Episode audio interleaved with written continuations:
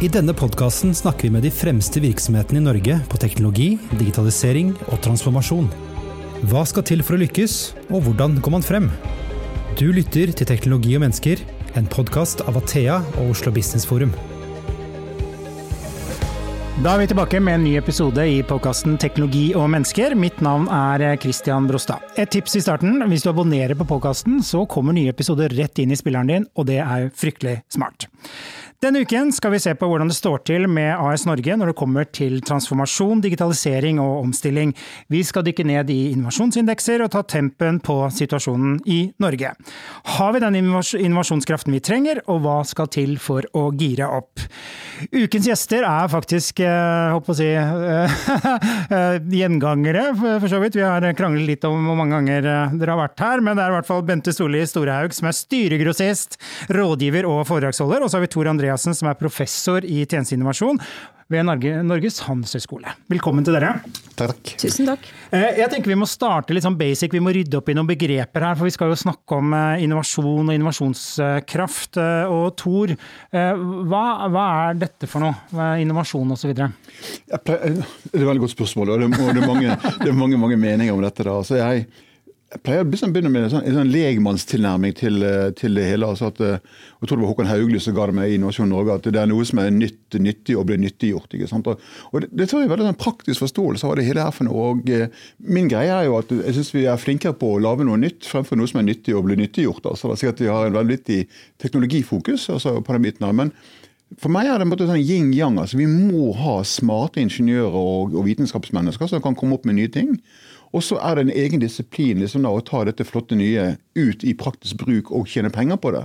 Så En handelshøyskoles eh, bidrag er jo da å kunne lage forretningsmodeller på det hele, og kan liksom skalere det opp og få det finansiert. og Alt fra gründervirksomhet til store virksomheter som kan ha uh, nye virksomheter eller vokse eksisterende virksomheter. Så det er de kommersielle bitene rundt det hele.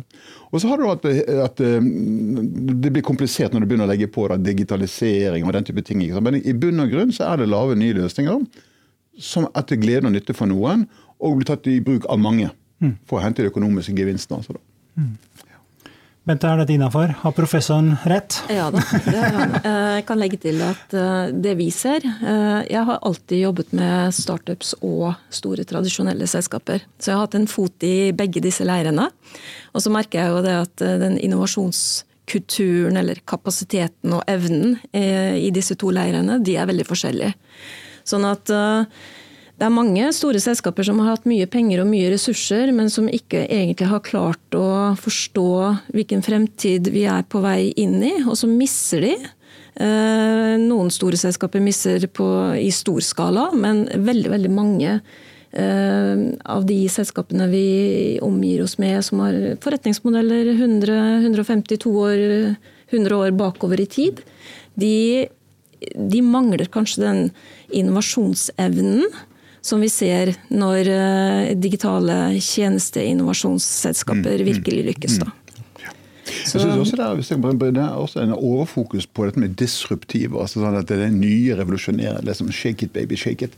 Altså, det er jo bare når man snubler over. ikke sant? Altså, altså, hvis du er veldig lykkelig eller veldig heldig.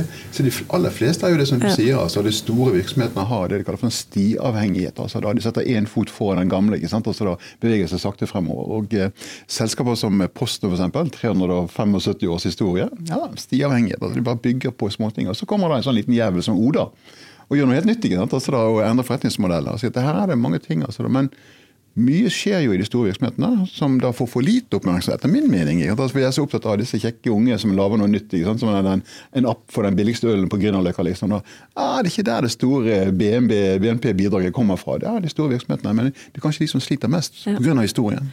Jeg har fått uh, egentlig veldig stor respekt mm. for uh, store selskaper som uh, skjønner at de er midt oppi en transformasjon. fordi det, det finnes ikke noe større utfordring i næringslivet enn å transformere en virksomhet. Og du har, noe, du har masse historikk, og du har en, en, legacy som du på en måte må håndtere. Så det er, eh, tidligere så sa vi at vi bremser og gir gass samtidig i de selskapene. Eh, og melker de gamle inntektsstrømmene så langt eh, lenge vi kan, fordi de skal være med på å finansiere den nye digitale inntektsstrømmene. Så jeg har veldig stor respekt for at uh, det er to forskjellige lederoppgaver. Det å, å, å tenke helt fritt og liksom se på hvilke bransjer er det som har som passe fornøyde kunder. Hvor er det vi kan på en måte uh, snu opp ned på forretningsmodeller. Det er et helt annet ballgame enn å lede en bedrift gjennom en transformasjon. Og prøve å finne nye, varige digitale inntektsstrømmer. De snakker om å tenke utenfor boksen, men da vet man ikke hvor vanskelig det er. Altså. Ikke, og Det handler ikke om å være smart eller ikke, men det er bare vi er så bundet opp i måten vi tenker på. ikke sant? Altså da, så bare noe sånn som hvordan ledere av disse etablerte selskapene, så ofte er det mennesker midt i livet sitt kanskje, og har utdanningen sin på 80-tallet eller der omkring. Eh, og så skal de begynne å tenke digitale forretningsmodeller med plattformer i et tosidig marked. Altså, allerede nå har de falt av. ikke sant? Altså, så, så, så, det er veldig krevende. Ja, det er veldig krevende, og det skal man ha dyp respekt for. ikke sant? Så det, og da, det som man håndbrekksladde med hangarskip. Ja, man gjør ikke det, liksom. Altså, det er uh, krevende. Nei, jeg tror sånn, eh, Nå har jeg jobbet med internett i 30 år mm. i år. Begynte i 1993. Nå må vi å det ja, Startet Digital hverdag i 1993. 30 år med internett. Og jeg er liksom frista til å si at ok, det var de 30 første årene. Mm. Men hvis du ser fra 2020 og frem til 2050, da, mm. som eh, kanskje er den virkelige store transformasjonen i næringslivet, eh, hvor, hvor, veldig mange store utfordringer og veldig mange mer kraftige teknologier skal ja, forstås mm. og eh, tas i bruk, og man skal på en måte bygge hele sin konkurransekraft rundt en helt annen teknologi forståelse enn det vi har hatt de første 30 årene. Så det er nå, nå det blir spennende. Men eh, så slipper vi jo en helt ny generasjon ut i næringslivet. De som er generasjon Z, som er født etter midten av 90-tallet. De er rundt 30 år nå. Mm. De har jo helt andre forutsetninger enn den, det eksempelet du kom med på ja, de som er i slutten av 50-årene, 60-årene, som egentlig kanskje ikke har verken evne eller eh, vil eh, snu opp ned på virksomheten de siste årene de er i, i jobb. Ja, det, krever mot oss. Jeg møtte en leder som innså sin begrensning. altså Et av de store, kjente børsnoterte selskapene. Innså sin begrensning altså, og takket for seg. Altså. Og Det, det, det syns jeg var veldig gutsig gjort. Altså. Ja, og man innser altså, at jeg er, altså, med mine tankemodeller og min forståelse av verdiskapning, mm så strekker jeg ikke til lenger. For jeg, ikke, jeg, skjønner ikke hva du snakker om. dette. Altså, hva betyr disse kraftige teknologiene? ikke sant? Altså, for, eh, ikke bare å kutte kostnader, men å skape ja. verdier. ikke sant? Det kan gjøre på helt andre måter. Det skal man ha veldig respekt for. Jeg vet ikke hva du tenker, Tor, men de første 30 årene mm. med internett de har eh, på en måte vært litt sånn kortsiktig Det har ikke vært så veldig mange krav. Man har på en måte digitalisert litt i sitt eget tempo. Og det har ikke vært så kritisk i, i, de første årene om man fikk det helt til, eller eh, Det har vært en lang læreprosess for, for mange. Men jeg tenker det jeg opplever nå, det er at eh, i veldig mange styrerom så har man 2030-mål. Man ser frem mot 2040.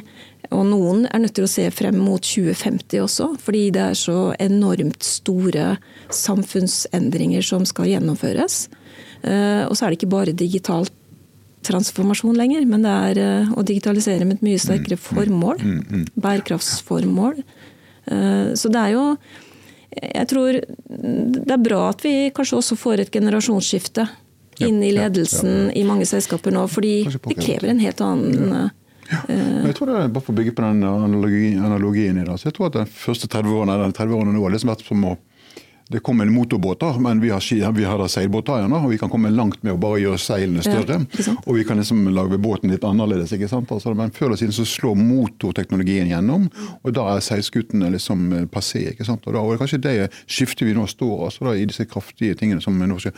Og nå begynner vi å få hendene litt rundt kunstig intelligens. ikke sant? Og så da Hva det betyr. og liksom, Vi begynner å skjønne det, sånn at vi kan bruke det til forskjellige formål, som kan da være med å skape verdier, altså innovasjoner, eller kan være med på å kutte eller gjøre produksjonen mer effektiv. ikke sant? Altså da, og, eh, og, Det her jeg føler at eh, det er tosidig. Jeg tror vi må slippe de unge til i større grad. Og så tror jeg også at akademia, som jeg representerer, da, i større grad må gire opp. ikke sant? Altså Vi må få hendene rundt disse nye tingene. Så det å forelese standardregnskap for Sauda smelteverk, ja, det begynner å bli litt forrige tirsdag. Altså, nå er det helt andre måter å, å, å gjøre på og, og regne på. Det er ikke at regnskap går ut av mote, eller finans går ut av mote, men det er liksom de grunnleggende prinsippene. Altså, og en ting som slår meg hvis du bare ser på uh, verdiskapingen, altså De ti mest verdifulle selskapene i verden er plattformselskaper, ja, med unntak av ett som er oljeselskap, men er statlig. Men de andre ni er liksom plattformselskaper. Og hvorfor er de verdens mest verdifulle? Enten har du Kanakas investorer, eller så har du en vanvittig eh, tro på fremtiden. Men det må være noe i verdiskapningen som gjør de så attraktive. ikke sant? Altså, og det tror jeg at vi Forskere ligger etter skjema med hensyn til å forstå de grunnleggende mekanismene bak disse tingene. Altså og få det frem til våre nye studenter, som kan da få opp. ikke sant? Altså. Så det var spennende tider. Det er jo et skifte. Jeg tenker jo på plattformselskapene som Web 2.0-perioden. Mm. Eh, mm. De tok liksom eh, de 15 årene og bygde enorme markedsverdier. Uh, og så tenker jeg at uh, det er litt sånn som Amazons Jeff Bezos sier. altså Virksomheter har sine sykluser. Uh, og han er forberedt på at Amazon har hatt eller er oppe i sin store tid. Og at, Day one. Ja, Han sier til og med at Amazon kommer til å gå konkurs, men det er min jobb å forlenge det. Sånn at det ikke skjer på en god stund ennå. Men jeg tenker fra liksom å ha et desentralisert internett i starten, til å få disse plattformselskapene som gjorde at nettet ble veldig sentralisert makt, og det var noen få selskaper som ble veldig, veldig mektige, så tror jeg at den neste perioden kommer til å utfordre det. Eh, sånn at nettverk og desentraliserte teknologier, eh, det er det vi på en måte må forberede oss på. Blir den neste Web 3.0-perioden. Det betyr ikke at Web 2.0 og plattformene blir borte. Det, men de kommer til å leve eh, ved siden av det nye Uh, som skjer. Jernbanebaronenes tid mm. blir innhentet. Altså. Det er jo, det er jo sånn litt tilbake til historien. Dette her er noen selskap som har vokst opp i et, sånn, eh, et vakuum rent lovmessig, altså, hvor de har tatt seg til rette. Og så har de drevet av forskjellige mekanismer som de ikke helt skjønte, og så plutselig var de steinrike ikke sant? og dominerte hele markedsplassen. Og det er nå begynner lovgivningen å komme inn. Altså, da. Drevet av EU, faktisk. Mm. Altså, da. Så det er liksom spennende tider, det må jeg si. Altså, da. Mm. Det vil alltid være. Det er ingen digitale seire som har vunnet eh, og for alltid. Det tror jeg ikke. Eh, det var lett å liksom miste motet når du fikk disse enormt store selskapene som gjorde det nesten helt umulig å konkurrere ja, ja. mot dem. De tømte jo rommet for oksygen. Ja, mm, mm. Men, eh, men, den tiden, den, den, ebber ut, den også. og det, Derfor er det så viktig egentlig å beholde innovasjonsevna Eh, og, og, ikke minst nå når det er så enormt mange utfordringer som krever eh, innovasjon og krever eh, kreativ tenkning. Hvordan skal vi løse problemene? Og det, det er to måter å forholde seg til virkeligheten på, eller fremtiden på, og teknologier på. Det er å være skeptisk og negativ. Eh, og så kan du være positiv. Sant? Og så mm. tenke at Tenk hva AI kan gjøre da, med den halvdelen av verden som ikke er på internett. Som ikke kan eh, engelsk, eller som ikke snakker eh, kinesisk. Tenk hvilken hjelp den teknologien kan være for nasjoner som ligger langt bak Vesten, som dominerer på nettet i dag. Så Eh, du ser på afrikanske land også. Hvordan skal de komme opp med finanstjenester mm. for å ta igjen det forspranget som vi har? De kan hoppe over noen ledd, mm. og så kan de gå på nye teknologier som er mye mer automatiserte. Og mye mer lønnsomme og effektive for de landene som eh, skal ta igjen Vesten. Apropos seire, Bente. Norge, AS Norge går nedover. Eh, i flere indekser. Eh, jeg har funnet et par. Eh, Global Innovation Index så har jo Norge falt et par plasser. Våre naboland er jo på topp ti. Er det, er det et riktig bilde av hvordan det ser ut i Norge? At er, vi faller? Altså vi henger ikke med? Jeg har en til, men begynn du, Bente. Dette er en kjepphest som jeg har. da. Ja. Da er vi veldig nysgjerrige på kjepphesten, da. Ta kjepphesten først. Ja, ja. Dette var jo grunnlaget til vi laget den norske innovasjonsindeks. Mm. Altså, vi, vi, følte at uh, altså, markedssiden, kundestemmen, som er tross alt de som skal ta i bruk dette, her, eller være offer for dette, her, liksom, den, den stemmen var borte. Og så gikk vi til verks altså, og så på disse metodene om OECD eller INSEAD eller eh, Global Innovation Index og Bloomberg sin. og Alle sammen hadde sånne vidunderlig vakre, mm. morsomme ting. altså da uh, Global Innovation Index for eksempel, målte da et lands innovasjonsevne eller, ut, som målt som antall doktorgrader i et samfunn. Mm. Jeg kjenner to kollegaer som ikke er spesielt kreative. Altså. Eller kanskje er det flere også. Eller, eller antallet ratio mellom mastergrader og bachelorgrader. ikke sant? Altså, ja. Eller antall patenter registrert, eller antall Wikipedia-oppdateringer. Altså, det var helt sånn meningsløse makrotall de brukte. Så at, men i, så hadde vi en litteraturgjennomgang, altså, da, og, og, alle de stedene hvor da innovasjon var definert, så var kunden ute av ligningen. Altså ikke nevnt. Altså, da, og det var det som grunnlag. Og Derfor mener jeg at det er et morsomt, men ikke spesielt relevant måte å måle på. Altså for Rent filosofisk så kan en nasjon per definisjon ikke være innovativ. Men menneskene i, nasjon, i den nasjonen kan være det dersom mottakerne av ideene synes det, eller det opplever det som verdifullt. Så var egentlig det jeg møtte og fanget altså da med den innovasjonsindeksen som nå er ute i ti land. altså bare Det vi lagde den gang da på, på Roteloftet, er nå ute i ti land. ikke sant? Og de har tatt den blåkopierten rett ut. altså da nå, som et jeg sier ikke den eneste måten å gjøre det på, men det er en vesen, denne kundestemmen som vi alltid kommer tilbake til. Altså, da, er det ikke sikkert at Norge er liksom så håpløs altså, som vi er. Det kan være et metodeproblem. Det kan være et sånn teoretisk problem ikke sant, som ligger til grunn der. Sannsynligvis er det ikke bare det, men en kombinasjon. ikke sant, men jeg så også da at um, Våre venner i Abelia har jo denne omstillingsbarometeret der. så Det er sånn makroperspektiv hvor de peker på fem ting som dessverre peker i gal retning. ikke sant? Altså da, så å kunne ta det og omsette det i virksomheten, som da skal være de som leverer det på innovasjon. og si at Humankapitalen som da er nå jeg mener er sjef i Norge. at vi, vi, har ikke den som skal til for å kunne være der vi bør være i fremtiden. Det er jo et kjempeutfordring på utdanningspolitikk. ikke sant? Og så er det hele dette med gründerpolitikken også, som det også da Innovasjon Norge peker på. at Det er ikke så mange som har lyst til å være gründere lenger. ikke sant? Altså, Hvordan kan vi hause det opp?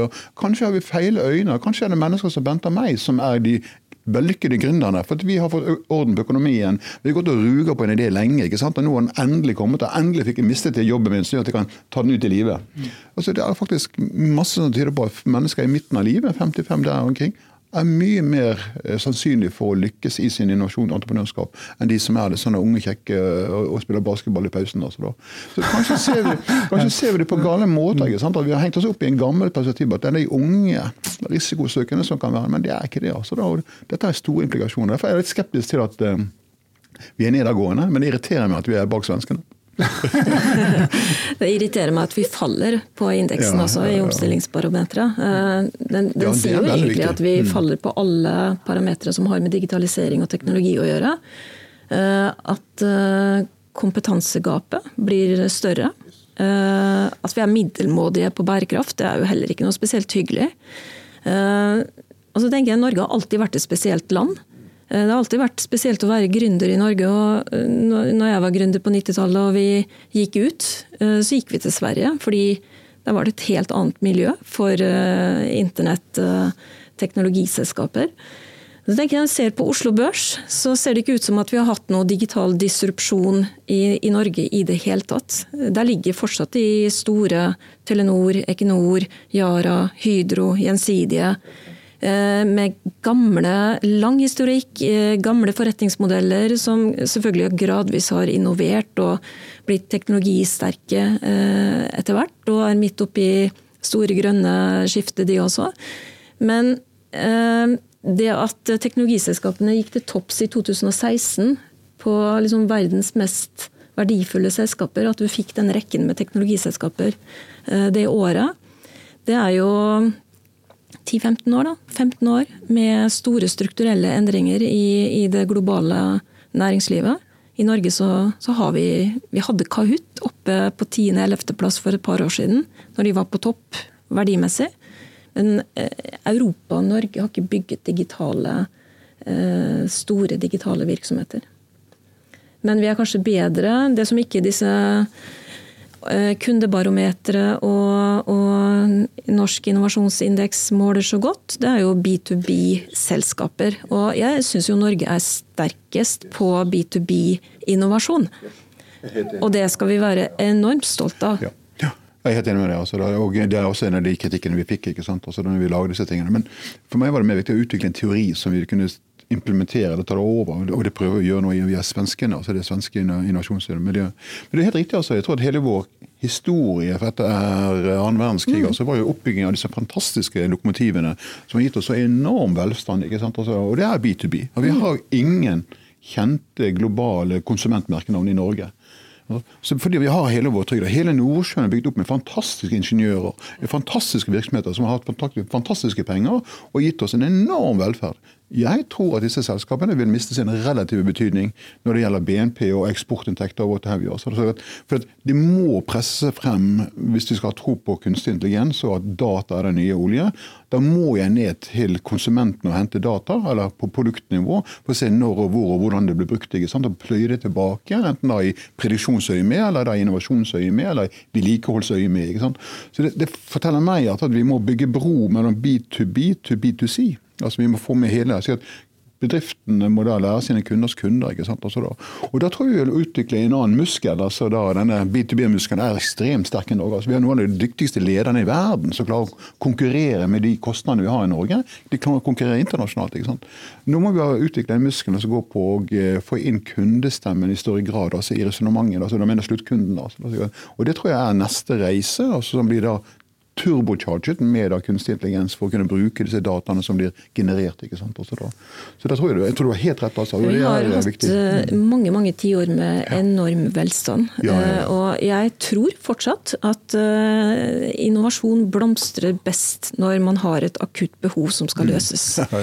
det er sånn, Og det har vi ikke hatt i mm. Norge, egentlig. Mm. Sånn at uh, Jeg husker en kronikk fra Financial Times, som var, eh, sendte en av redaktørene sine over på Oslo Innovation Week. Oh, ja. Som skrev en eh, kronikk om Norge og innovasjonskraften eh, nasjonen har. Og så sier han noe sånt som at Norge liker tanken på kreativitet. Men vi er veldig redd for disrupsjon. og det, det, er jo egentlig bare å se på børsene. Vi har så mye å forsvare. Eh, vi har så mye tradisjonelle virksomheter som, eh, som, eh, skal forsvare sin posisjon. Og så har det vært litt for trangt å være innovatør i og rundt de selskapene også. Jeg tror det er helt riktig. Altså. Jeg tror Noen av aktivene vi har i Norge, der, er vi har veldig dyktige ingeniører. Og jeg mener de er billige. Så Det er et veldig godt utgangspunkt. ikke sant? Altså Hvis dette er yin-yang, altså vi må, noen må utvikle noe som noen kan kommersialisere. Da. Så det er et veldig godt utgangspunkt. ikke sant? Vi har en populasjon som har høy grad av digital kompetanse. Vi har veldig kåte på ny teknologi. Så det er alt ligger til rette ikke sant? for disse distribusjonene. For vi er villige til å ta det i bruk. Altså. Men vi mangler det å ta det ut i, få det ut i markedet på en god måte. Altså, da. Litt tilbake til det du sa. da, Jeg, jeg hadde sånn sabbat eh, på University of Maryland. Så møtte vi Thomas Friedman, han kolumnisten han som skriver da i, i New York Times. Eh, skriver veldig godt. Da, da han boken ute som heter 'The World Is Flat'. Altså, den, den boken, det var en megahit. Så var vi hørte på han, og så stakk jeg ned i lunsjen, altså nede i pausen for å få signatur. og liksom sto i køen og ja, 'Good day, IS from Norway. Could I have your signature, please?' Og så, eh, så spurte han liksom, hva, hva syns du liksom, denne resonnementet ditt, hva syns du om det for Norge? Og uten å se opp i det hele tatt sa han 'It's a country marinated in oil'. Og så bare tok han neste og signerte neste bok. Altså, så det er noe som har skjedd. ikke sant? Altså, når vi har hatt så mye penger. Svenskene hadde jo kaos i 1993. Da måtte de snu opp i økonomien sin. ikke sant? Og de måtte løse det med smarte hoder og lite penger. Mens vi har hatt mye penger og kanskje smarte hoder, men vi har klart å marinere oss vekk fra problemet med pga. penger. Ikke sant? Så, så, jeg tror vi har utsatt noe som kommer altså da, og banker det kraftig på. Og Er vi da berettiget sant, altså, til å ta den omstillingen? altså da, vi, da, Er vi robuste nok til å ta det? For Allerede nå begynner vi å merke det, at det offentlige sektor begynner å skjære ned. Du kan ikke ha det gode lenger. Vi kan ikke ha det gode lenger. Vi må nøye oss nå med tilstrekkelig helse. Altså Vi begynner å legge ned fødeavdelinger. Altså, nå begynner vi å merke en stat som begynner å nappe i, tilbake igjen velferdsstaten. Mm. Og Da kommer omstillingen. ikke sant? Mm. Eh, vi må innom den uh, norske innovasjonsindeks, som du er en av hjernene bak. Mm. så vidt jeg har skjønt. Uh, hva er det den sier? Eh, dere måler jo er det tre ulike perspektiver osv. Kan du ja. si litt om den kort? Ja, Jeg sa i sted, ja, ja, jeg skal prøve å være kort. jeg sa jo i sted at motivasjonen hvorfor vi gjorde det. hvorfor vi gjorde det. Så da, og det andre var at det var for å bringe inn kundestemmen i da, det som bedriftene gjør. Og når du tenker på alt det, det spennende bedriftene gjør, altså med å omstille seg, med å sende folk på kurs og nye spennende prosjekter, så, så mener de genuint at de er innovative. Jeg pleier å si at, eh, at, det er ingen som kjenner til maten før kokken har levert den over skranken. Altså, det, at det må komme fra organisasjonen ut i markedet, og da får det sin syretest. Mm. Så Det var liksom grunnlogikken i det. Så tok vi og delte det opp i tre områder. Det ene var det vi kalte for kommersielle innovasjoner. Altså, vi kan tenke på det som innovasjoner i markedstilbudet. Altså de fire p-ene, det er syv p-ene fra Kotler. Så kan vi tenke det på et annet område, dette med sosiale innovasjoner, du, som du pekte på, Bente. Da, hvor vi bare, igjen, altså, vi ville bare pirke på det. Er det noe her? Altså, da, og da avgrenset vi det til eh, innovasjoner innenfor det bærekraftsmessige. Og så lagde vi et begrep som vi kalte for å være en god nabo. altså Man gjør noe sånn samfunnsgamdlig. altså Da, da stjal vi noen tanker fra Rebecca Henderson på Harvard. Uh, bedrifter må være gode samfunnsbyggere. da. Og så er det det siste hvor vi så at, uh, sa at la oss se litt på dette med digitalisering av kundefronten. altså Det som noen kaller for intelligent automatisering. Så har vi tre områder som jeg som finansdirektør kan si OK til. ikke sant? Altså Allokere penger til de fire P-ene, eller til de sosiale innovasjonene, eller til, til dette med digitalisering av kundefronten. Og da, for Det er jo tre forskjellige områder. Og så hadde jeg en ønske om å gjøre innovasjoner til CFO-enes beste venn. For de kommer jo da altså, opp med disse budsjettene og ideene sine opp i, så marketing kommer opp i, og, så, og markedsfører kan ikke regne.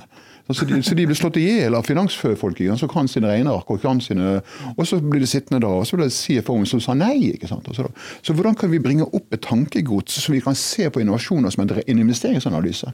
Så Det var litt den bakenforliggende drømmen. Da, da, og nå er vi der. Så altså, Nå snakker vi altså da til finansdirektørene ut ifra at dette er en investering. Du putter på så mye penger på ett av disse tre hovedområdene, på noe som da har effekt på kundenes opplevde innovasjonsevne av deg som selskap, og hvor attraktivt de opplever deg å være i et marked fullt av alternativer, og hva det betyr for meg i mine valg og mine beslutninger. Ja, da velger jeg deg en gang til. ikke sant? Og Da har du gjenkjøpsøkonomi. Ja, det vet vi alt om. Altså hvis du putter på penger da, til venstre, som gjør at du øker da, la oss si kundelojaliteten av gjenkjøpsraten fra 60 til 65 pga. innovasjonen din. Du blir mer attraktiv. Ja, da øker omsetningen din med 13% Er du interessert? Hvis faen er interessert. Og da er det over dette at innovasjon er ikke noe som er kult. Det er ikke noe som er hypt og kreativt, som de gjør i sånne fjellsegreier på seminar og røyker hasj og her på. Nei, dette er dødelig business, ikke sant? og der ønsker jeg å ligge. Dette handler om å tjene penger, og innovasjon er ikke vellykket før den drar opp topplinjen vesentlig og øker firmaverdien. Da har du en vellykket Og da snakker vi til CFO-ene og CEO-ene. Og CMO-ene henger etter for et desperat forsøk på å løfte seg fra da responsrater og statistiske metoder til å snakke business. Og Det tror jeg er det neste. Altså, hvis ikke markedsførerne lærer seg å snakke økonomi og business, ja, da er de irrelevante. Og Det er der vi nå ligger. Altså, så derfor nå ønsker jeg jo... Det, det er et stemningsskifte. Ja, det er absolutt. Altså, da, og det er taktskifte. Ja. fordi når bærekraft kom på mm, mm. styrebordet, så selvfølgelig starter det med kommunikasjon. Altså det starter med liksom å fortelle hvordan kan vi jobbe med bærekraft. Men det er ikke noe valgfag å jobbe med bærekraft. Fordi EU er ganske strenge med taksonomier og med masse lover og regler og påbud eh, som man må følge. Og så er det ganske lite tid på å levere på eh, mål som Norge har forplikta seg til. Sånn at det her det her kommer som et kraftig sånn regulatorisk push. Eh, og det som er fint når bærekraft eh, blir para med digitalisering, det er at man setter KPI-er. Ja. Sånn at eh, det å komme seg fra powerpointen over i Excel-arket, begynne å sette KPI-er, hvordan skal vi måle vår bærekraft, som også er veldig mye innovasjon og digitalisering i, i samme løp, det har jeg syntes har vært noe av det beste med bærekraftsprosjektet. Det er at det, det, det må måles. Ja. Og, ikke, og, eh, jeg er helt enig med deg. Altså, da, det vi prøver på, da, det er å kunne knytte det at det er ikke noe du gjør bare fordi du er pålagt av EU, det er fordi det er økonomisk eh, Det skal være lønnsomt. Ja. Så vi ser jo nå, altså, fordi vi nå har denne innovasjonsindeksen altså, i ti forskjellige land, altså, vi har altså, ramset opp en ti spennende land. Um, Eh, da ser vi nå fra våre amerikanske venner som har hatt mye feitere eller tjukkere finansmarked, så de kan bruke det, altså de kan ta finansaksjekursutvikling og linke det til uh, de innovasjonene. Vi ser nå en artikkel som kommer ut nå i løpet av eh, slutten av dette året her, som ser på ja, Som leder så kan du bytte penger på å øke kvaliteten i virksomheten din, altså i leverte varer og tjenester. Kundetilfredshet. Ja, jeg kan også putte penger på innovasjon og utvikling. Så har du en trade, altså det er 80% der og 20% der. For liksom.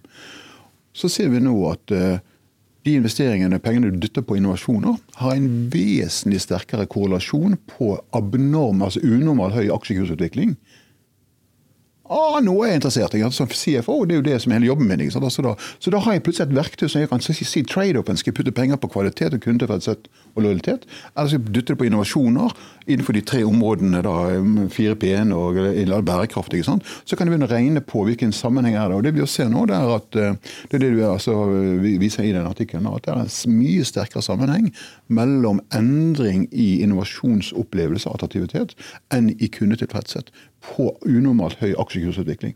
Så ser vi også det som er kanskje litt dette må de, Jeg må nesten drepe det etterpå, for nå, nå avslører jeg hele artikkelen.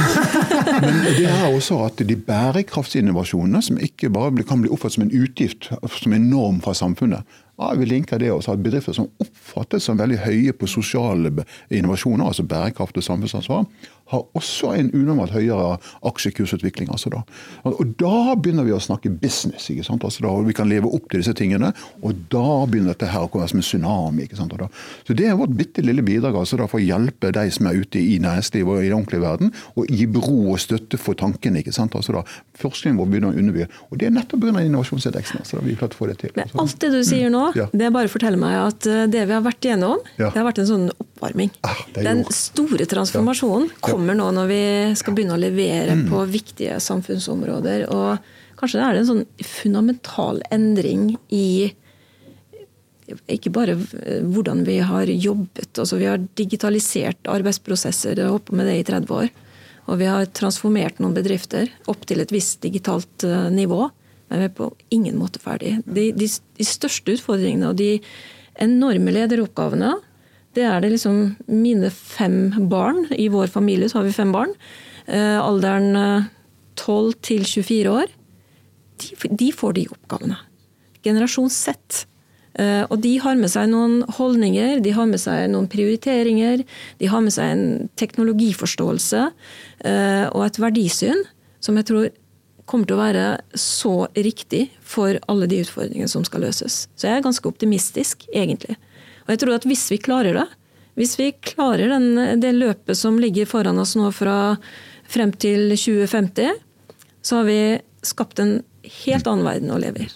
Jeg er helt enig med det. Altså, Et av favorittbærekraftsmålene mine er kan ikke, jeg kun ett jeg kan. Altså, da. Og det jeg har bygget på. Det er eh, bærekraftsmål nummer tolv. Altså, ja. Du vet hva det er, da. Men det, det handler om eh, ansvarlig produksjon og konsum. Ja. Altså, det, altså, da får du begge partene i ideaden. Ikke sant? og der ligger Norge langt, langt frem. Ja, og det, hvordan kan vi bygge på det? Ikke sant? Altså, da, men det er akkurat det at denne ansvaret ligger på begge parter. Altså, det er at Bedriftene må komme ut med nye løsninger som gjør det mulig for meg å leve ansvarlig. Og vi vet at konsumentene ønsker å ta slike valg. en prediksjon som jeg har, det er at disse merkevarene, altså disse kjente merkelogoene, type ting, som før symboliserte da kvalitet og luksus, vil i mye sterkere grad signalisere en ansvarlig menneske bak dette logoen. Så det er en måte å signalisere på. At Det kan være alt fra T-skjorter i bambus, eller hva det er for noe. Men at merkenavnet vil signalisere mye mer enn en, en, en kvalitet eller luksus, som er mye mer speiler da, et fornuftig valg. altså da jeg sier noe om meg som menneske. Og Det har stor betydning, for da begynner du å få dette trykket bak. Sant? Da begynner tsunamien å bygge seg opp, ikke sant? og da begynner dette bare å gå fortere og fortere. Og Det håper jeg på. altså virkelig. Og så trenger vi politikk, da. Ja. Vi trenger god politikk for å få dette her til å bli uh, i, Altså gjennomføringen ja, ja. er avhengig av god politikk. Helt klart. Ja. Dere utropte jo Tesla som vinner. Yep. Men kanskje enda inter mer interessant case er jo Tibber. Yep. Jeg leste et intervju med administrerende, var det DN, hvor han sa at mm. vi han sa, skiter i strøm. Vi er et tech-selskap. Hvordan har Tibber gjort det på denne målingen? No, vi har ikke det inne, skjønner for de er ikke så store at de gjør utslag på, altså på, på markedsandeler i Norge. Mm. Men det er, det er et selskap som vi, vi nå har inne i 23, altså bare for å følge med på det, nettopp fordi de du har så kunder som deg, sånn som er da begeistret. Ja, jeg, jeg, må nesten si det. Jeg kommer rett fra Elkjøp, har kjøpt meg en ny Mac eh, og fikk tilbud om å få coveret til Mac-en gratis hvis jeg var villig til å bytte strømleverandør. Og så sier jeg til hvem da? Ja. Det var Norges Energi, da. Ja, ja, Eh, altså det er helt utenkelig at jeg skulle bytte fra Tiber. Eh, jeg har vært kunde der eh, lenge, har så mye historikk der. Eh, jeg bruker powerups Jeg er så knytta til den appen. For det er jo ikke en strøm, jeg opplever jo ikke at det er en strømleverandør. Det er en, en tjeneste som gjør, med, gjør, meg fleksibel, og jeg sparer masse penger på å følge forbruket mitt i sanntid redda meg ganske heftig fra en stor strømregning i desember for vel drøyt et år siden. Mm. Og det gode nyheten er du er jo ikke alene. ikke sant? Altså, jeg pleier å kalle det for sånne bedrifter. Det er jo sånn drømmescenario. Altså, de har jo kunder som vil gå på glødende kull for deg. Ja. Altså, da, de har jo de har motstandsmekanismer som står imot en gratis cover fra Apple. ikke sant? Altså, da, da har du virkelig altså, da, altså, jo, men det er helt vakkert, ikke sant? For da har du mentale sperrer. Nei, dette er jo som å ta ut skilsmisse. ikke sant? Det er jo helt utenkelig. Ja. Og det er jo walking on water. Altså. Og derfor liksom, jeg synes også eh, Da de gikk på denne lille bulken i støtfangeren, altså si her, eh, da de endret faktureringsrutinene sine, som var egentlig rasjonelt, rasjonelt begrunnet, men dårlig forklart. Og de traff liksom litt den dårlige den planken. Men hvordan de da hadde det vondt i sjela si? Jeg tror ordentlig at de hadde det vondt i sjela si. Altså da, at de var kommet opp i det uføret, at prisene hadde steget og de var kommet til likviditetskvise. Så de nå kunne da liksom gå tilbake igjen, som han administrerende sa, bli kvitt den gamle skiten. Så jeg tror han virkelig mente det. Og da er du tilbake til at de virkelig har tappet inn altså, i en kundeforståelse. jeg kjente på den opplevelsen bare for to timer siden jeg var hos Elkjøp, at eh, nei, vet du, det er helt utenkelig. Eh, og for meg så er Tibber et strålende eksempel på det vi kaller digital tjenesteinnovasjon. Eh, og hvordan en app egentlig kan ja, disrupte en hel strømbransje. Sant? Som Eh, alle vi som har eh, fått fakturaer fra strømselskapene, vet at det var den eneste dialogen de hadde med kundene sine. Og så kommer Tibber eh, og, og tenker helt annerledes. Og oppfyller og tikker av på alle boksene for hva god tjeneste, digital tjenesteinnovasjon er. Hvordan klarer du å skape begeistrede kunder på noe så mm. dølt som strøm? Ja, ikke sant? Altså, altså. Og, og, så på Norsk kundebarometer, eller om det var på din indeks altså Strømselskapene ligger jo nederst. Eh, og Tibber klatra opp på en tredjeplass. Det er en bragd som eh, Det er liksom helt utenkelig at et strømselskap skulle ha vært der oppe på tradisjonell tenkning. Ja, men da er vi tilbake til forretningsmodeller. Altså, så For meg virker det som at de store innovasjonene skjer i forretningsmodellen, mer enn at du kan liksom da helle maling fra andre siden av, av bøtta. Liksom, altså, de mer, så det, det, der, og det er også et område vi har understudert. altså sånn Forretningsmodellinnovasjon. Altså min kollega Tina Saebi gjorde en studie studie her i, for noen fem-seks år tilbake. og undersøkte blant ledere liksom, hvordan er dette med da, forretningsmodellinnovasjoner. Ja, Det var jo Mikke Mus. Altså, det var sånne små endringer i produktet, eller, men de virkelig substansielle Det kan enten være fordi de ikke visste hva det var for noe, eller ikke de turde gjøre det, eller de hadde for få vandringsstaver til å hjelpe seg til å komme gjennom en slik ting. Altså. Men det var nokså stusslig. Altså, da. Derfor ser du i bransje etter bransje. Vi gjør akkurat nå en sånn, sånn separat studie nå i, i da. Og jeg tok bare for sånne, sånne tradisjonelle bransjer. Hvem er det som stikker hodet opp? Ah, det var liksom Oda i dagligvarebransjen. Ah, det var farmasi i, i apotekbransjen. Ah, det var Vips i betalingsbransjen. ikke sant? Og så var det en til som jeg ikke husker. Men det var liksom nye digitale forretningsmodeller. Mm. Mens de andre disse pipeline-modellene da ligger bak oss. Det er noe der som vi må heie på. ikke sant? Altså da, og Jeg tror ikke det er at liksom Norgesgruppen klarer å komme over da, fra det ene til det andre i løpet av et døgn, men de kan lage noe nytt på siden. Ja. Så det kan utvikle. ikke sant? Men det er litt sånn, Du skal være ganske sterk, ja. Eh, du skal ha en sterk ledelse hvis du på en måte skal transformere din egen eller forstyrre din egen forretningsmodell. Og alle de som kjente til og sto ikke så langt unna etableringen av Finn på begynnelsen av 2000-tallet, de vet at det var veldig mye motstand internt på disse internettgreiene som skulle ødelegge eh, lønnsomheten i papirrubrikkmarkedet. Men, eh, men, en litt sånn fandenivoldsk ledelse må til for å skjære igjennom og, og, og liksom forstå liksom hvilken fremtid, fremtid, er det som ligger foran oss. Eh, og hvilke Hva er liksom på en måte uunngåelig utvikling. Eh, så hvorfor skal vi holde igjen? Eh, eller hvorfor skal vi ikke på en måte kjøre to løp? Eller starte et, annet, et sekundærløp som etter hvert kommer til å bli det nye markedet? Og det, det er vel egentlig der de fleste ikke har evne å se langt nok frem. Altså man har tenkt, Alle børsnoterte selskaper de tenker neste kvartal inneværende år. Alle insentivmodeller, bonusmodeller som har vært, de har vært innenfor eh, kalenderåret. Da tør du kanskje ikke å ta den store risikoen på å tenke fem-ti år frem i tid. For da er den ledelsen ute. Og så Transformasjoner tar lengre tid enn eh, lederens eh, virke i mange bedrifter.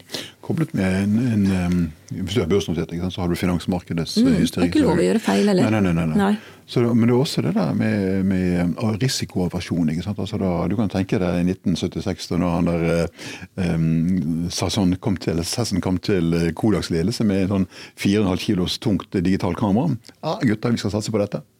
Altså, ikke hadde markedet spurt etter det, og ikke hadde vi bedt om det heller. Men vi trykker jo penger, så skal vi satse Så du skjønner det ikke. sant? Altså, da, og så er det noe med det òg. Når du skal fase inn noe nytt, så skal du fase ut noe gammelt. ikke sant? Også da, og I det nye du faser inn, så er det litt sånn motstand i markedet, og du kanskje kan kannibalisere. Så det ligger noen alternative kostnader ved å bare gjøre det også. sikkert. Det kan gjøre at man liksom holder tilbake.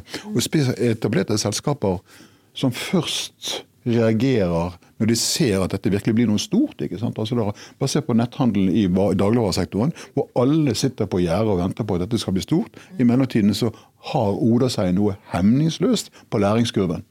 Ikke sant? Så de de endelig hopper ned fra gjerdet, de andre, ah, så hopper de ned i en gjørme, for de har ikke noe erfaring derfra. Så, så det kom i gang. Altså. Men samtidig har jeg litt sympati for ut ifra altså risikoaversjon, og ut ifra at vi er redd for å ødelegge topplinjen vår ja, det er liksom en forvaltningskultur som ja, ja, møter en, eh, mm, mm. en, uh, kultur der du skal skape nye verdier. Sant?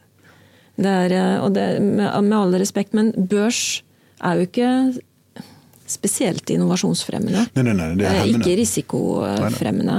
Eller du, du, kvier deg for å ta risiko, ja, ja, ja, fordi du brenner deg ganske kraftig hvis du gjør feil.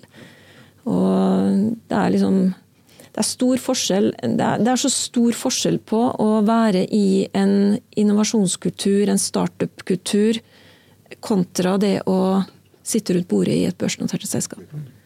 Men du må Og det er jo De skal lære av hverandre. Så Netflix, For meg så er jo Netflix et uh, selskap som har veldig mye startup-kultur. Men samtidig så er de børsnotert på Nasdaq. Sånn at de, den delen som rapporterer, den må jo uh, følge alle regler.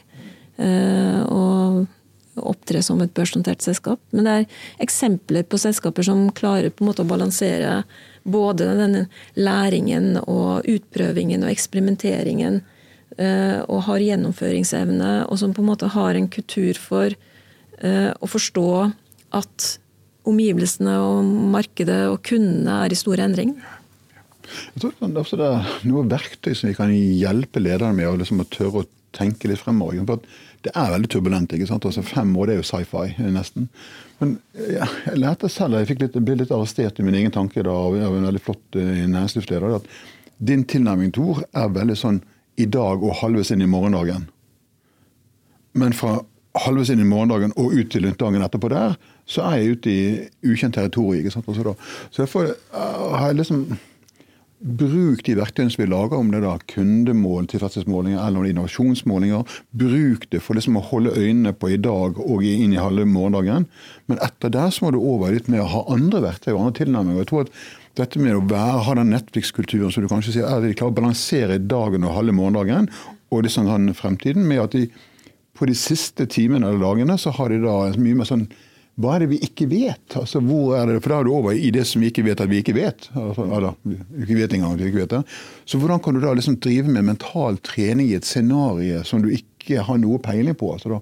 Og det tror jeg er noe som eh, iallfall min side av bordet det er mye om å jobbe mye mye mer. Altså, da, i, i respekt for at de må ha noe som gjør at de kan komme med til i overmorgen, og de må være lønnsomme i dag. ikke sant? Men hvis ikke er lønnsomme i dag, så kommer de ikke til overmorgen. Så da har hele den avveiningen. Men vi må hjelpe dem med å tenke i et space hvor det er masse ukjente, ukjente ting. Jeg aner ikke hva som skjer. Men jeg må ut der og leke litt. Annet, sant? Ja, alle, alle, som står i transformasjon, har jo mm. selvfølgelig en viktig erkjennelse at yep. Eh, uten lønnsomhet på det de driver med, eh, så klarer de ikke den omstillingen eh, til å skape seg en ny nye forretningsmodeller eller nye inntektsstrømmer. sånn at man er jo avhengig av å dra med seg lønnsomhet, og det tror jeg gjør at disse prosessene blir veldig seigliva, lange, fordi man må gå steg for steg. Eh, så hvis man i dag ser tilbake, eh, kunne man ha gjort det på en annen måte? Kunne man ha gjort det raskere? Og er vi forbrukere, konsumenter, kunder, er vi der? Sant? Hvorfor tar det så lang tid å få etablert et eh, stort marked for online dagligvare? Sant? Det er jo fordi vi kundene eh, er trege med å endre vår atferd og våre vaner. Og det er kanskje det Oda må jobbe aller, aller mest med, å endre vår, våre vaner. Ja. Det er veldig riktig. Også. Og der er det håpet at de unge som nå vokser opp, ikke sant? at da er de er mye mer fortrolige med det. Kanskje butikken er et museum for dem. Altså, da har vi sett en perspektiv. ikke sant? Altså, da får det, det.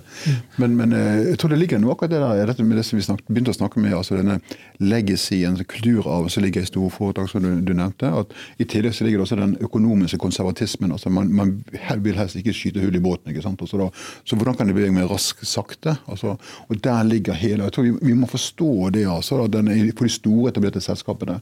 Så En Telenor eller en DNB altså de snur seg ikke raskt rundt, de har så mye hensyn. ikke sant? Altså da, både for de ansatte, men overfor da, det er så hemsko. Altså jeg ler jo meg i hjel når jeg hører at det fremdeles er Kobolt-programmer ute i, i, forsikringsbransjen. ikke sant? Altså, dette var jo noe som var i 60-tallet, og fremdeles er det store produksjonsrutiner basert på det. Og det er, liksom, er det mulig? Ja, det er mulig. Og det må vi bare ta hensyn til. ikke sant? Men hvordan kan vi da organisere oss for å drifte hverdagen på en, som må være da ut fra effektivitet? Og kvalitet. ikke sant? Vi må ha begeistrede kunder. Men samtidig kan vi da bruke mye tid på å lage det nye, eller begynne å tenke på det nye. Altså, altså jobbe i den dimensjonen der. Så jeg tror at Min lille erfaring har vært at vi har satt oss for mye oppmerksomhet på å drifte. Hvor vi da skal bli veldig mye effektive. ikke sant? Altså da, forvaltning. Ja, forvaltning, ja, et godt mm. uttrykk. Og Det andre er liksom det å utvikle denne lekne, få, altså det fremtidsrettede. Altså, men ikke å lage noe nytt, men det må være nytt og nyttig som blir nyttiggjort. Altså. Og jeg tror at De to siste ordene der har vi mye å hente på. og det er den dimensjonen. Og, og jeg har begynt liksom siste, å krangle litt med meg selv. Altså, da, er det mulig for Norge og norske miljøer å være ledende på teknologisiden? Eller burde vi kanskje si at vi skal være verdens beste på å ta teknologi i bruk? Er det mer der å hente? Altså, for Vi er et bitte lite land. Vi er 5,5 millioner mennesker. Og vi har en pose med ingeniører, en pose med økonomer og en pose med ingeniører. Men burde vi heller være flinkere på det. Og når jeg sier det, for Da ser jeg noen tanker fra noen franske økonomer som peker på at et land som er da i sånn sosialdemokratiske land med velutbyggede institusjoner, politiske, økonomiske, juridiske og sånt, og, og, og velutviklet velferdsstat, synes å ligge langt etter disse cutthroat-miljøene som er i USA. Og Derfor er de ofte henvist til det å catching up mer enn å drive. Og kanskje Norge er et sånn catching up. altså Det er vår greie. Da kan vi snu liksom ja, Vi har ikke reklame på NRK, vi kan gjøre det til en fortrinn. Ja, det kan vi. Vi kan lære oss å ta ting i bruk mye raskere, og kanskje ligger det mye mer å ligge hente der. ikke sant? Altså da, men jeg sier ikke vi skal slutte å utvikle, men flytte fokuset litt. ikke sant? Altså Det kommersielle, ta det i bruk, anvende, høste gevinstene av de. Hva er ikke det mer å hente der? Jeg, jeg gleder meg litt eh, etter noen år med pandemi. Nå På lørdag så reiser jeg til San Francisco og skal være der en uke. Eh, og forrige gang jeg var der, eh, før pandemien, så, så, så, fikk du liksom en sånn veldig klar eh, følelse av at her sitter liksom entreprenørskap i ryggraden på de bedriftene du besøkte. Og det er en helt mye, mye sterkere kultur både på investorsiden og i, i blant entreprenører på liksom å tenke eh, liksom tenke innovasjon og, og, og drive frem eh, nye selskaper. Skape nye verdier. Og så er jeg litt spent på nå om jeg på en måte fornemmer det like sterkt nå når jeg kommer bort. Eh, fordi det skjer jo fryktelig mye i verden nå. sant? Eh, jeg møtte en delegasjon med amerikanere her i sommer. Eh, sånn 27-28 år kommer til Norge og blir egentlig veldig overraska over hvor mange Teslaer som kjører rundt i gatene. Vi krangler litt fortsatt i USA om klimaet er en utfordring eller ikke. Og så er det andre deler av verden, Kina, hvor de ikke krangler om det, men hvor de bare gønner på og driver frem nye, store investeringer innenfor uh, grønt uh, og grønn innovasjon. Ja. Det er ganske interessant at det der eh, dette kjøres av Hvem reiser lengst? Altså, men du reiste til San Francisco på eh, lørdag. Jeg reiste til Singapore. Okay. Ja. I samme ærend. Ja, ja. Sammen med Jeg blir i Oslo. Så dølt.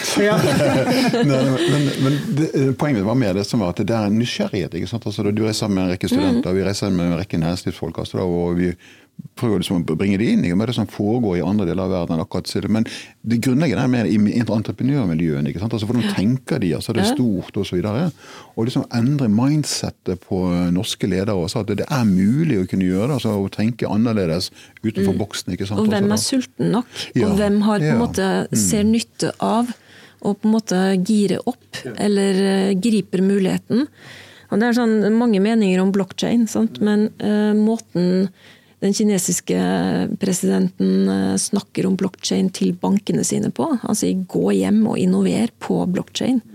Det, har du hørt en norsk politiker si det, eller har du hørt en vestlig statsministerpresident si det, eller har du hørt den amerikanske presidenten si det samme? Det er, en, det er noe som skjer som gjør at noen ser sitt snitt til Som kanskje forstår liksom, fremtidsmulighetene bedre innenfor de nye, sterke teknologiene, og hvordan de nye teknologiene spiller sterkere sammen enn det de har gjort tidligere. Som gjør at uh, man lett kan få et skift. Det er helt enig med deg. Altså, det å tørre liksom, å titte rundt hjørnet. ikke sant? Altså, det er ikke sikkert at blokkjede er den eneste løsningen, eller, men iallfall La oss gå den veien og se hvor den tar oss. ikke sant? Og så kanskje vi snubler over noe annet. altså da, sånn, Jeg tror det var Yngvar Ugland i DNB som hadde det vakre uttrykket som jeg har stjålet, snubleflaks. Ja. Når det gjelder innovasjoner. Ikke sant? Hvis ikke du driver og prøver å eksponere deg så Flaks og timing, vet du. Det er ja, ja, altså, to liksom, viktige faktorer som må være på plass. Men, men, du må liksom eksponere deg. ikke sant? Altså, da, jeg bodde jo i en periode i, i, eh, på Stanford da jeg jobbet der. Da var, jo, eh, altså, da var du i miljøet. ikke sant? Mm. Altså, da, og det var enormt hvordan du tok mot deg alle impulsene. og så da Om en gang jeg kom tilbake igjen og nord for Drøbak, så akkurat som denne impulsene stoppet opp. ikke sant? Altså det, det ble sånn, Svampen ble tørr. Så det å være i et miljø hvor, hvor, hvor, du blir omgitt av crazy ideer og snakke om teknologiene som om det var størst selvfølgelighet, så, da, så det kanskje gjør noe med det. Og, og, kanskje er det som du sa, at vi har blitt hengende lenge igjen i B2B, i en viss industriell pipeline-forretningsmodell ikke sant? basert på råvarer fra naturen. Og Det har da gjort at vi har utviklet en lederskap som har vært ekstremt flinke på kostnadskutting for å være effektive der, men det har neglisjert hele markedssiden. Altså Senest i dag hørte jeg at Statskraft leverer et megaoverskudd. Hvor mye har det med dyktige organisasjoner eller har det noe med prisene internasjonalt å gjøre? Og Sånn er det på laks, sånn er det på strøm, sånn er det på olje, sånn er det på trevirke. Sånn altså, så du ser det, og kanskje, kanskje er det der vi, vi har vi har for liten grad utviklet denne markedsforståelsen, og hvordan vi kan da ta kontroll over markedet. Og Det du nevnte med Teslaen i Norge, eller elbilene i Norge, det er jo et marked som vi skapte. Så jeg er jo veldig på det at på samme måte som teknologi kan bli skapt, så kan vi skape markeder. Men den muskelen er litt dårlig trent i Norge. Så hvordan kan vi utvikle den? ikke sant? Og der tror jeg det ligger potensialet. En, en, industrileder som eh, er over 60 år, som jeg eh, har stor respekt for og beundring for, eh, som kommer fra samme by, Kjell Inge Røkke. Når han skrev aksjonærbrevet, ja, når de investerte 500 millioner i bitcoin, så, så, det er nesten sånn at det skulle vært pensum. Fordi det er ikke, det er ikke vanlig kost fra en eh, industrileder på over 60 år, som har eh, drevet innenfor eh, en type industri som, hvor det begynner å lukte litt av forretningsmodellen, og er nødt til å tenke hvordan skal vi transformere, hvordan skal vi ta steget inn i, i teknologiverdenen. Og som har skapt fire software-selskaper, Cognite som det mest verdifulle. Men når han da investerer 500 millioner i bitcoin, så sier han ja, jeg vet. Det kan godt hende at jeg kommer til å se ut som en idiot uh, i en periode. Men det er liksom ikke nok til at man ikke skal forsøke. Ja. Og så sier han også noe som er veldig unorsk. At uh, du som er ung og leser uh, aksjonærbrevet, hvis du har drømmer, og de drømmene er ekstra store, eller veldig store, så har jeg lyst til å snakke med deg. Tenk om alle industriledere eller toppledere hadde hatt noe av den tankegangen. At eh, man skal tiltrekke seg de som tør å tenke stort. Eh, og så eh, egentlig kommunisere på en sånn måte at før han tok den beslutningen, så hadde han vært ute og snakket med veldig mange folk som opererte innenfor teknologiselskaper. Skaffet seg et stort måte, beslutningsgrunnlag før han gjorde det. Eh, og så er det sånn med all innovasjon, og som med all eh, startup-virksomhet. Ja, man kan gå på trynet. Det er kanskje bare 5% av norske startup-selskaper som lykkes også. Men eh, de som aldri forsøker, de lykkes i hvert fall ikke. Nei, det er klart også da. Nei, jeg, jeg, du har rett, altså. Jeg tror vi uh, eller Ufortjent har gitt Røkke det dårlige renommeet fra de tidligere spillene han gjorde på industrisiden. Men han har vist, virkelig vist samfunnsansvar. så Jeg har hengt meg opp i at han gir sjenerøse scholarships altså til virkelig talentfulle unge til å studere på de ledende miljøene i verden. Altså, Bruke tid sammen med ja, den ja, unge generasjonen. Ja, det er fantastisk. Altså, og Jeg skulle ønske flere gjorde det. Altså, satse på det, For der har du talentutvikling. altså Du kommer tilbake igjen altså, fra de flotteste miljøene, flotteste lærestedene og tilbake til Norge. og liksom da Ha med seg den driven, de perspektivene, det nettverket. ikke sant? Altså, da. Jeg tror vi må ha mer av, mm. Eh, av den type inkludering, eller krysse grenser. Startup og tradisjonelle selskaper må på en måte lære av hverandre. Generasjoner må lære av hverandre. Norge og utlandet må lære av hverandre. Sant? Så du må, du må, samarbeide. Du må etablere nye nettverk. Eh, og, og, jeg tror verdien i ny verdiskapning, det ligger i hvilket nettverk har du. Yes, yes. Mm. Det er helt riktig. Altså. Vet, um, Telenor som er en av partnerne i dette eh, som er etablert på Handelshøyskolen, altså digitale innovasjoner for bærekraftig vekst.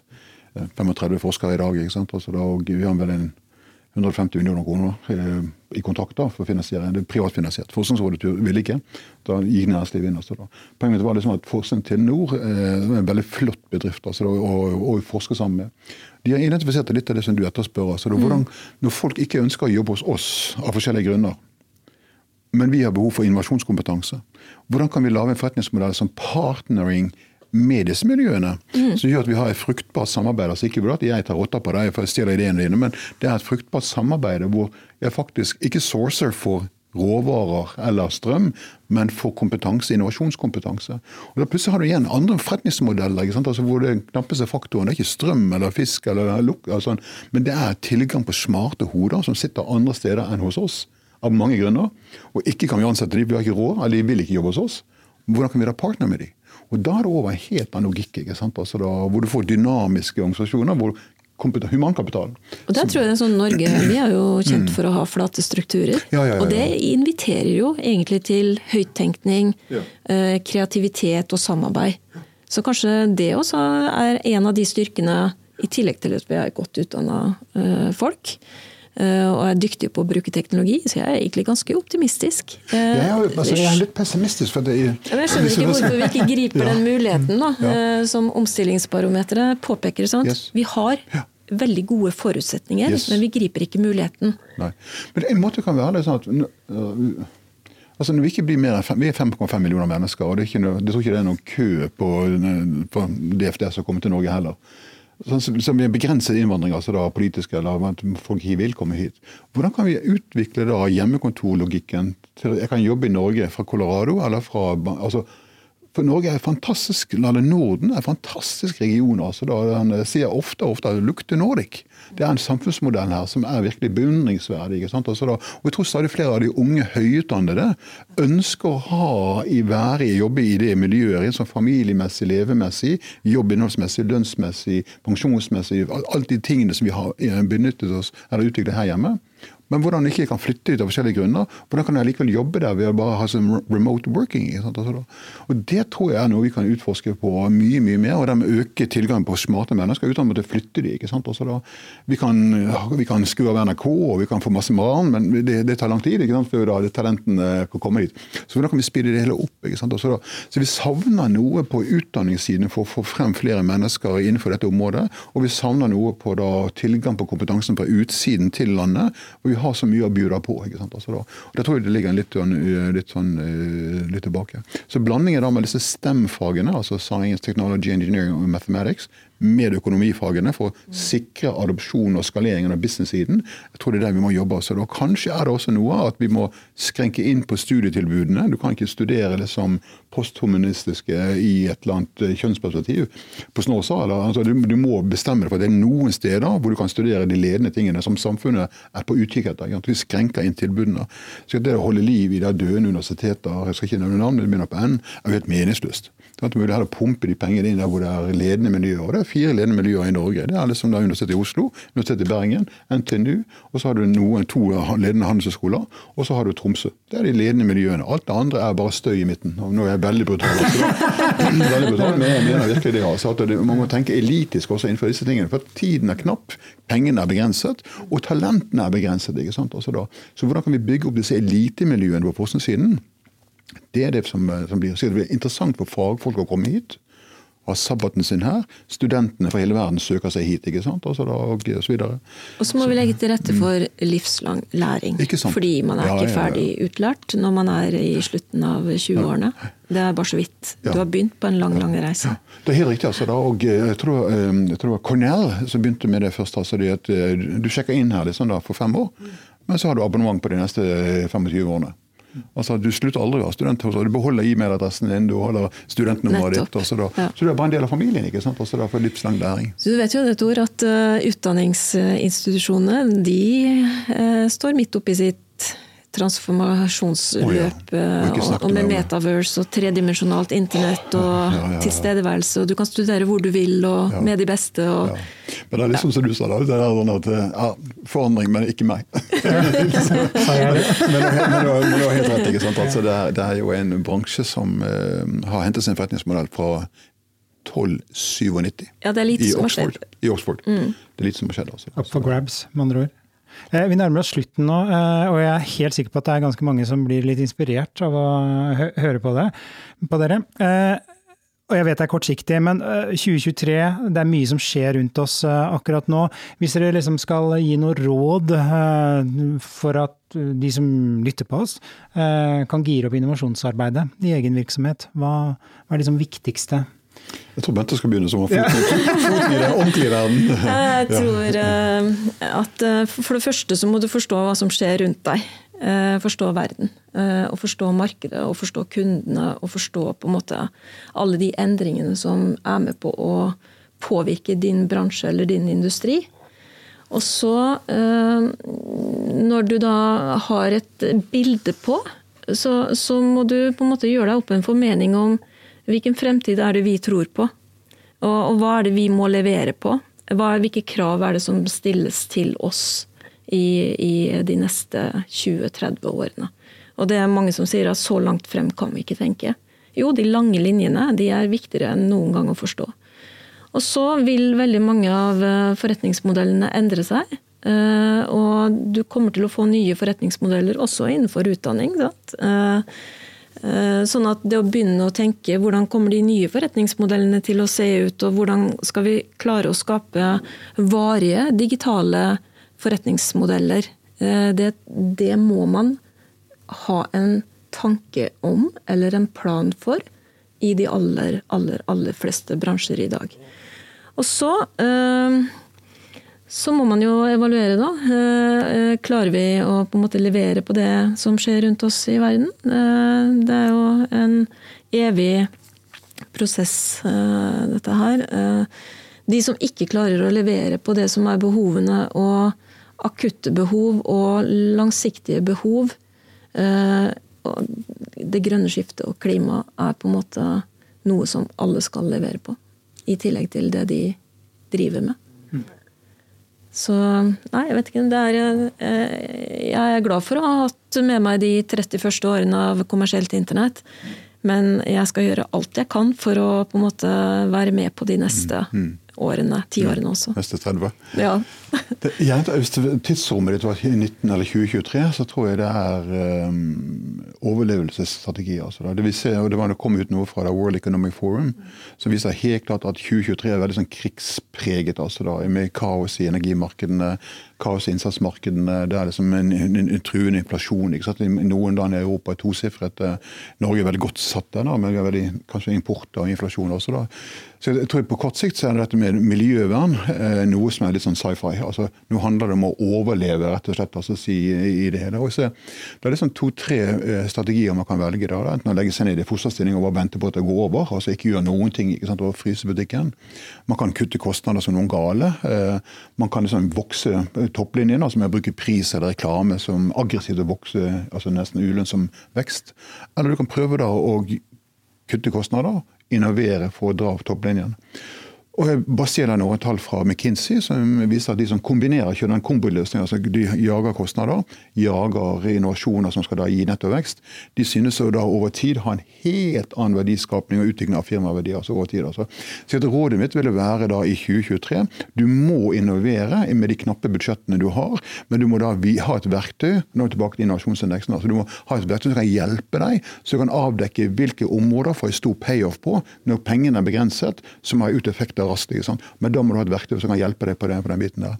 Og Da vet vi at bedrifter som da innoverer mens det er stramt, med knappe budsjetter, kommer ut på andre siden på en helt annen måte enn de som bare ligger i fosterstilling og venter på det går over. Så da, Det er det verste du kan gjøre nå. Ikke gjør noen ting. altså da. For Guds skyld, gjør noe. Om ikke du gjør det, så vil konkurrentene gjøre det. Og da står du igjen med korte bukser, og de andre går med lange bukser. Ja, det er litt klisjé, men de tilpasningsdyktige, mm, mm. det er de som overlever. Yes. Eh, men samtidig, når vi snakker om innovasjon, sånn som temaet har vært her i dag, jeg er ganske overbevist om at når vi har de tidene vi har akkurat nå, makroøkonomisk motvind, vi har internasjonale sterke, store konflikter og utfordringer, eh, og det er nå de beste bedriftene blir skapt. Ja, ja. det er jeg ganske sikker på. Det er liksom en one-liner. Det, er liksom, det er når tidevannet går ut, du ser hvem som svømmer naken. altså, jo, men altså, det er oppgangstider og alle, og det er høyvann, ikke sant? og det er jo det rom for en hvilken som helst. Altså, men når tidevannet går ut, da ser du den substansen altså, da, og hvem som har svømt naken. Og det er ikke den utskillingen vi nå ser. og Kanskje er det slik at disse da støttepakkene vi hadde under covid-fasen, har da sementert mange ressurser fast i virksomheter som egentlig burde gått konkurs for ett år siden. 2021-tallene var jo rekordsterke resultater og lønnsomhet og soliditet. Veldig mange som kutta og tilpassa seg kostnadene. Men eh, jeg tror halen 2022-2023 eh, kommer til å vise noe helt annet. Ja. Så kanskje er sånn et, et, tiltak da, det er å investere tungt istedenfor å si opp eller permittere ansatte. Her kjører det en tung kompetanseløft på disse. Altså For dere igjen fremstille det til det neste. Vi tror at Bedrifter vil alltid komme og gå, men humankapitalen vil alltid bestå. Men, det handler om å gjøre den attraktiv. og Det er samfunnsansvar, det er bedriftsansvar og det er et eget ansvar. Altså Man kan bruke da Mass Open Online Courses til å gå på kurser på Stanford på Berkeley, på Harvard, på Wharton, hvor du måtte plukke og øverste hylle. Det er ditt ansvar. Så det er arbeidsgiver å tilrettelegge for at du også kan komme deg videre på formelle kurser. Og så er det samfunnet som bestemmer hvilke miljøer skal vi satse på, og hvor er det vi må kutte innenfor dette. For nettopp pengene er knappe, og tiden er veldig knapp. ikke sant? Så her vil det komme da, mye mer styring. må komme altså da, der, eh, Vi har jo da strategier, nasjonale strategier på det aller, aller meste. Vi har ikke en strategi for eksport av tjenester, digitale tjenester i Norge som jeg spår vil være fremtidige vekstområder.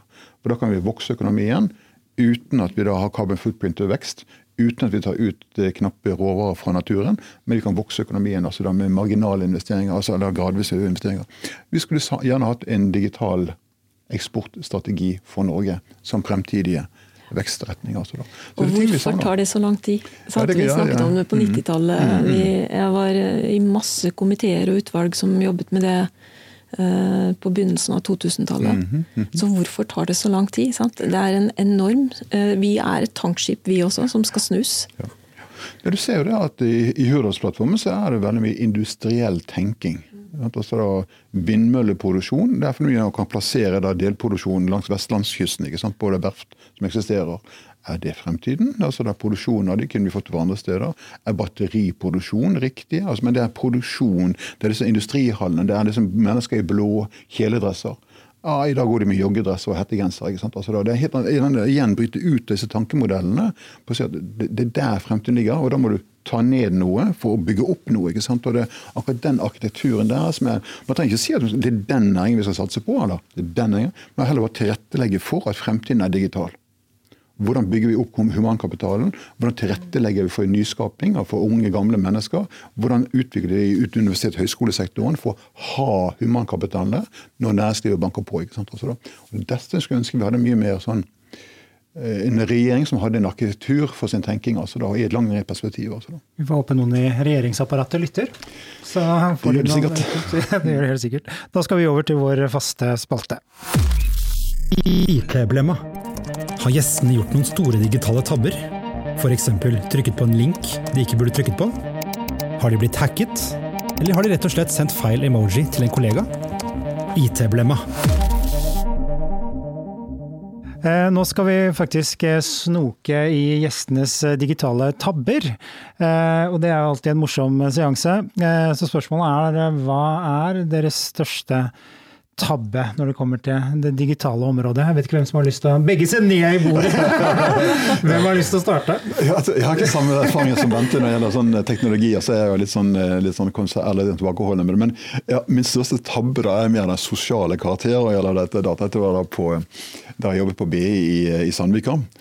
Og eh, jeg hadde da min lille sønn han var vel seks-fem år gammel da, på besøk. Og så var en eh, torsdag ettermiddag vi skulle gå ut av bygget. Klokken var sånn fire-tiden. Og så på veien ut og så trykker han på en knapp som han trodde var skulle åpne døren, men det var da strømmen til hele etasjen. og dette var en tid hvor det ikke var noe sånn automatisk backup på, på PC-en. ikke sant? Da, og da hører jeg liksom fra hele kontorrekken liksom, da, disse F-ordene hele veien rundt. Der, for da var det en hel dagsproduksjon som gikk til hundre. Og jeg tok ikke han med på jobb lenger. Da, så, det er altså, de sosiale tabbene jeg har gjort i mitt liv. Altså, det var det veldig pinlig. Ellers har jeg bare hatt de vanlige tingene. så Jeg har glemt å save. ikke sant? Eller hele teksten den type. Jeg har liksom ikke hatt historie. store. Det vil si, jeg, prøvde, jeg ble nesten lurt i går altså, i forbindelse med da søke om inngang til Singapore. Så gikk jeg rett i en sånn der uh, phishing-sak. altså Jeg holdt på å betale penger, uante mengder penger til mennesker som ikke er helt kjente. Altså, da. Så mm. da, men jeg klarte å ro meg i, i land. Altså. Men, men, ellers er min uh, flausekonto nokså beskjeden på denne sektoren her. Ok, Og med deg? Jeg tror vi må tilbake til the early days i internettverdenen. Eh, hvor alt egentlig var ganske uprøvd. Og vi jobbet med Det var valget i 1997. Og vi har jobbet med Torbjørn Jagland, som da skulle ha et live pizzaparty på internett med 50 forhåndsinviterte deltakere. Eh, og disse 50 de fikk da tilkjørt pizza. De satt rundt omkring i hele Norge. Eh, og Torbjørn Jagland med en ganske stor delegasjon og all nasjonal presse satt da på rommet ved siden av. Eh, og pizzapartiet det var jo en live nettprat med statsministeren. Da. og det startet veldig bra, men så gikk serveren ned. Og så fikk vi serveren opp igjen, men så gikk serveren ned en gang til. Og så bestemte vi oss for at vi flytter hele nettpraten til en annen server. Og da måtte det sendes ut tilgang til området igjen, da, til alle deltakerne. Og da fikk jo de 50 deltakerne også ved en feil utsendt tilgang til Torbjørn Jaglands eh, eh del av nettpraten. En av de 50 så det, og begynte da å redigere i statsministerens eh, svar live på internett. Oh shit. og du vet at når eh, statsministeren sitter med sekretær og svarer på, på spørsmål, og det kommer ut på nettet Eh, så står det plutselig 'Du visste kanskje ikke at jeg var av pakistansk opprinnelse'. og det her fortsatte med to spørsmål til, tror jeg. Eh, med litt sånn homopati og lavendelbad og masse bisarre svar. Da ringer telefonen på rommet. Det er fra statsministerens kontor. Ja, ja. Og hun sier Er, er Jagland full? ja. ja. Og da ble nettpraten eh, avsluttet. Eh, og det var jo en eh, ganske høy puls, altså. Hos veldig mange. Og så avslutter vi nettpraten, og så kommer hele det nasjonale pressekorpset inn i rommet. Og så får han mikrofonen rett opp i ansiktet, og så sier han ja, hvordan oppleves det å ha blitt hacket på internett? Og Torbjørn Jagland han var ikke så veldig digital, så han sier at Hacking er en uh, naturlig del av internetts hverdag. og så fikk vi selvfølgelig alle uh, Alle mediene hadde jo dette som oppslag dagen etterpå. Ja, ja, ja. Og du Mille. Det var heftig. Det, ja, det skjønner jeg. Altså. Ja. Men uh, i ettertid sant? Uh, Han tok det helt rolig. Altså, han var uh, utrolig flott når det først oppstod en sånn situasjon. Mm. Men, men, det var ikke så gøy for hele det store teamet som hadde ansvaret for dette arrangementet, og ikke for meg heller. Så det, det, tror jeg er noe av det heftigste. Jeg kjenner liksom varmen eller heten eller panikken ja. altså hele veien over. Ja. Mm, Men i ettertid Jeg har truffet Torbjørn Jagland mm. Eh, mange mange år etterpå. Vi snakket om det da også. Eh, det er, eh, det er sånt som skjer. Når man tøyer grensene med et umodent internett. Mm, mm, mm. Men jeg husker Håkon Lie. Han mente at vi måtte legge ned hele den der velgeraksjonen. Ja. Så vi jobbet jo hele natten med å prøve å finne ut av hva Fant jo årsaken til at det ble sånn. Men det var ganske heftig. Nydelig. Eh, Bente og Tor, tusen, tusen takk for at dere kunne være med, og tusen takk til deg som har lyttet på. Du har nå lyttet til Teknologi og mennesker, laget av Athea og Oslo Business Forum. Liker du podkasten, setter vi stor pris på om du gir oss noen stjerner, og tips gjerne en venn om podkasten.